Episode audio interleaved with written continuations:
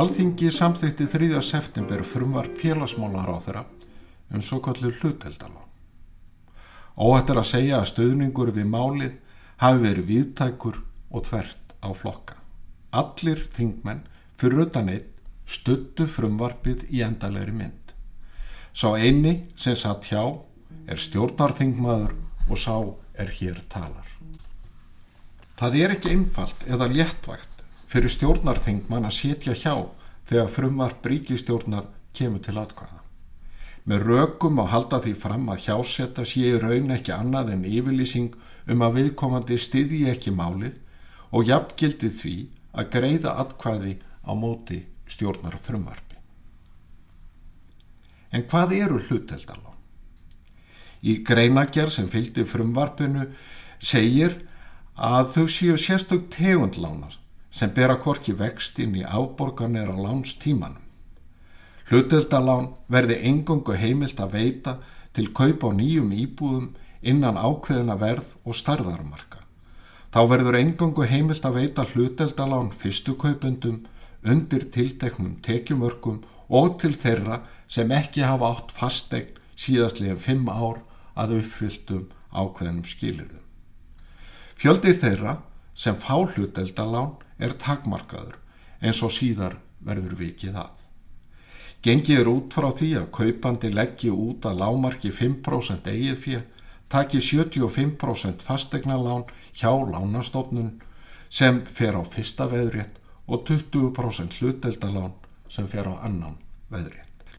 Markmiðið er að opna möguleika fyrir fólk að eignast eigið húsnaði, möguleika sem annars væru takmarkaðir eða engir.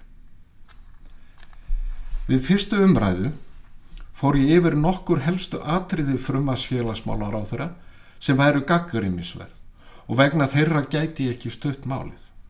Sum þessar atriða voru svo alvarleg að ekki var hægt annað en komast að þeirri niðurstöðu en að málið væri allt illa undurbúið, vanhugsað þar sem hvað annað rækist á hvert hotn.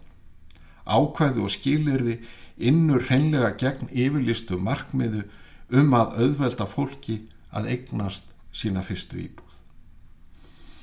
Í umfjöllun og vinnu velferðarnemdar var komið til mótsvei margt af því sem ég gaggrindi og þótt breytingarnar væru flestar, en ekki allar, til bóta voru svo miklir gallar á málinu að útiloka var fyrir mig að styðja það. Ég óttast að laugin um hluteldalánin verði til þess að launafólk sem leggur hart að sér að eignast eigið húsnæði og hefur takmarkaði enga möguleika til að mæta sveiplum í greiðslubyrði festist í net fjárhanslegra erfileika sem hægt væri að komast hjá með skinsanlegri lagasetningu. Ég vona að ég hafi rámt fyrir mér en því miður eru líkunar meiri en minni á að ótti minn raungirist. Af þessum ástæðum meðal annars taldi ég útilokkað að standa að samþýtt frumassins. Hugmyndafræðin sem liggur að baki hluteldalánum getur verið skinsaleg sé hún útfærð með réttum hætti. Stundum liggur hins vegar meira á að setja lög en vanda til verka. Fyrirmyndin er meðal annars sótt til Breitlandsegja og Skotlands sérstaklega. Eftir að reynsla konst á hluteldalánin voru áhrif þeirra ekki íkja góð og jákvað þess óljós.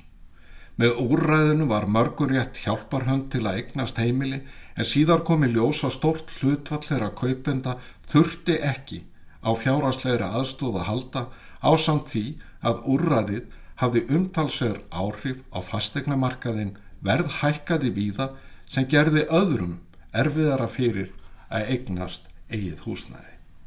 Ópenber skýrsla um reynslu skota sem gefum var út í júni síðastlinum Þar sem dregnar eru fram alvarlegir gallar á framkvæmt hlutildalána virðist ekki hafa hreift við neinum hér á landi eða gefið stjórnvöldum tílefni til að fara betur yfir málið. Reyna átt að segja á því hvort og þá með hvaða hætti hægt sé að forðast svipuð mistug og gerð hafa verið í öðrum löndum. Í áðurnemdir ræðu við fyrstu umræðu gaggrindi ég að banna eitt einstaklingum sem fá hluteldalán að taka lengri íbúðalán en til 25 ára og þá óvertrið. Slíkt bann inni beinilís gegn markmiði frumarsins sem er að reyna aðstóða og létta undir með tekjulógu fólki svo það geti eigna sína fyrstu íbúð á æfinni eða fyrstu íbúð eftir að hafa ekki átt íbúð í að minnst ákusti 5 ár. Í meðförum þingsins, þar að segja velferðarnemdar, var komið til móts við þessi sjónamið sem er jákvægt en eftir stendur að lagt er reynd bann við að sá sem er svo heppin að fá hlutildalán geti tekið verðtritt lán jafnvel þótt að kunna að henda viðkomandi og sé skinsanlegt. Það er sérstaklega ámælisvert að laugin sem nú hafa verið samþýtt skuli taka þannig vopn úr höndur launafólks sem er í viðkvæmri stöðu og ræður illa við mikla sveiblur í greiðslubyrði lána. Með því að meina þeim sem taka hluteldalán möguleikanum á að vera með hefbundið verðtrykt íbúðalán er dreyið úr vörnum launafólks. Það geta komið þau tímabil að það sé skinsalegt að vera með verðtrykt lán, ekki síst þegar að skuldsetning er mest á fyrstu árum eftir kaup og viðkomandi sérstaklega viðkvæmur fyrir miklum sveiblum í greiðslu byrði. Ég hygg að við flest þekkjum þetta af eigin raun. Vextir hér á landi eru nú um stundir í sögulegu lámarki en það má búast við því að svo verð ekki til langrar framtíðar og alls ekki þegar efnaðarslífið tekur við sér að nýju líkt og ég veit að við vonumst öll til. Ég er svo bjart sínd að ganga út frá því að viðsnúnungurinn komi fyrr en margir telja og að hann verði kröfturi en gengiður út frá.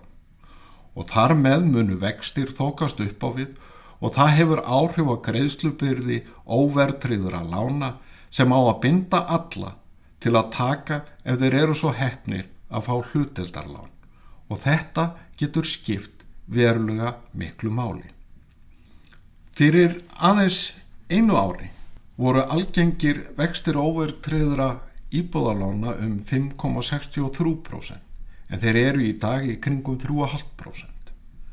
Þókist vextur upp í það sem þeir voru fyrir réttu ári mun meðal greiðslubyrði af 25 miljón krónar láni þingjast um alltaf 40.000 krónur á mánuði yfir 5 ára tímabil. Auðvitað stendur lántækandum til bóða að taka óvertriðt lán með förstum vöxtum til nokkura ára en fyrir það er greitt í formi harrivaksta og þar með þingri greiðslu byrði. Ég hef aldrei litið á það sem hlutverk lögjafans að takmarka möguleika heldur að fjölga þeim. Að auka áhættu einstaklinga við lántöku líkt á gert er með nýsamþygtum lögum gengur gegn yfirlýstum markmiðu um að aðstóða fólk við að eignast eigið húsnæði. Þetta er ennmerkilegra í ljósi ábendinga húsnæðis og mannverkjastofnunar um hvað byrja að hafa í huga þegar lán eru tekin. Á heimasíðu stofnunarinnar er meðal annars bent á að lántaka til lánstíma byrja alltaf með sér einhverja áhættu og óvissu.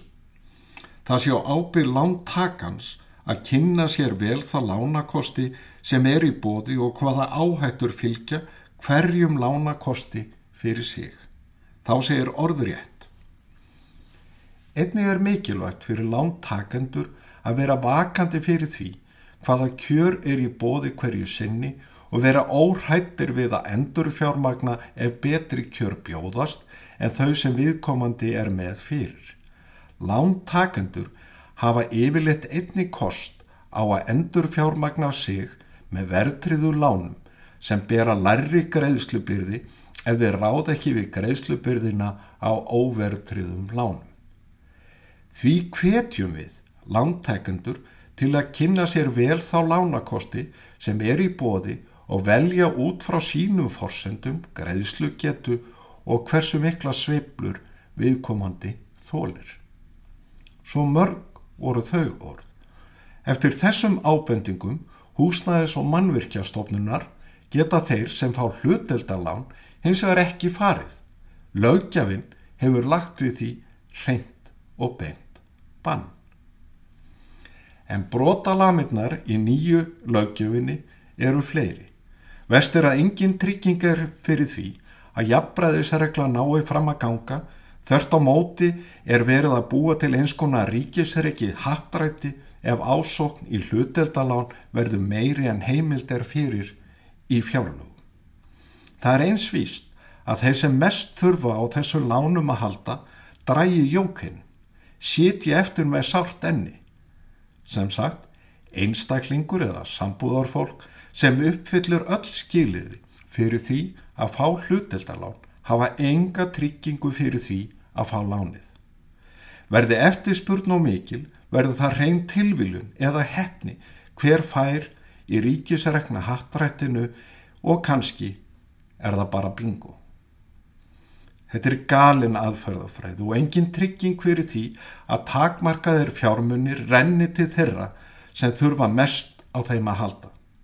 Það er jafn fráleitt og að útluta barnabótum með útrætti þar sem í hattinum eru allir sem eiga rétt á barnabótum en aðeins hlutu verði svo heppin að fá eitthvað í sinn hlut. Og vankantar lagana eru fleiri.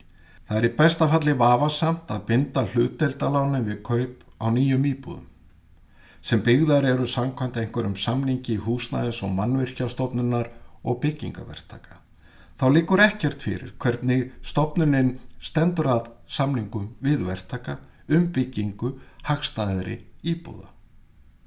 Hvernig vali verður um vertaka er óljóst. Hið sama á við um hvaða kröfur vertakarnir þurfa að uppfylla. Og það eru heldur engar kröfur gerðar til sveitafélaga til dæmis þegar að kemur að hagkvæmni lóða og enn einu sinni hefur lögjafinn afhendar á þeirra ótrúlega mikla heimil og svigurum til að setja reglugerðir í stað þess að gefa skýr lagaleg fyrirmæli um hvaða leikreglur skuli gilda. Með hluteldalánunum er verið að feta inn á nýjar brautir í húsnæðismálum og því mikilvægt að menn viti Hvað er verið að gera? Séu klárir á því hvaða áhrif ofinberður stuðningur á þessu tægi hefur á íbúðamarkaðin og séu samfæriður um að yfirlýstum markmiðum, það er að aðstóða þá sem annars hefðu ekki bólmagt til að eignast þakki yfir höfuðið. Því miður skortir þetta allt í nýri lagasetningu. Og þetta er megin ástæða þess að ég taldi mig ekki kleift að styðja málið á þingi 30. september síðastlið.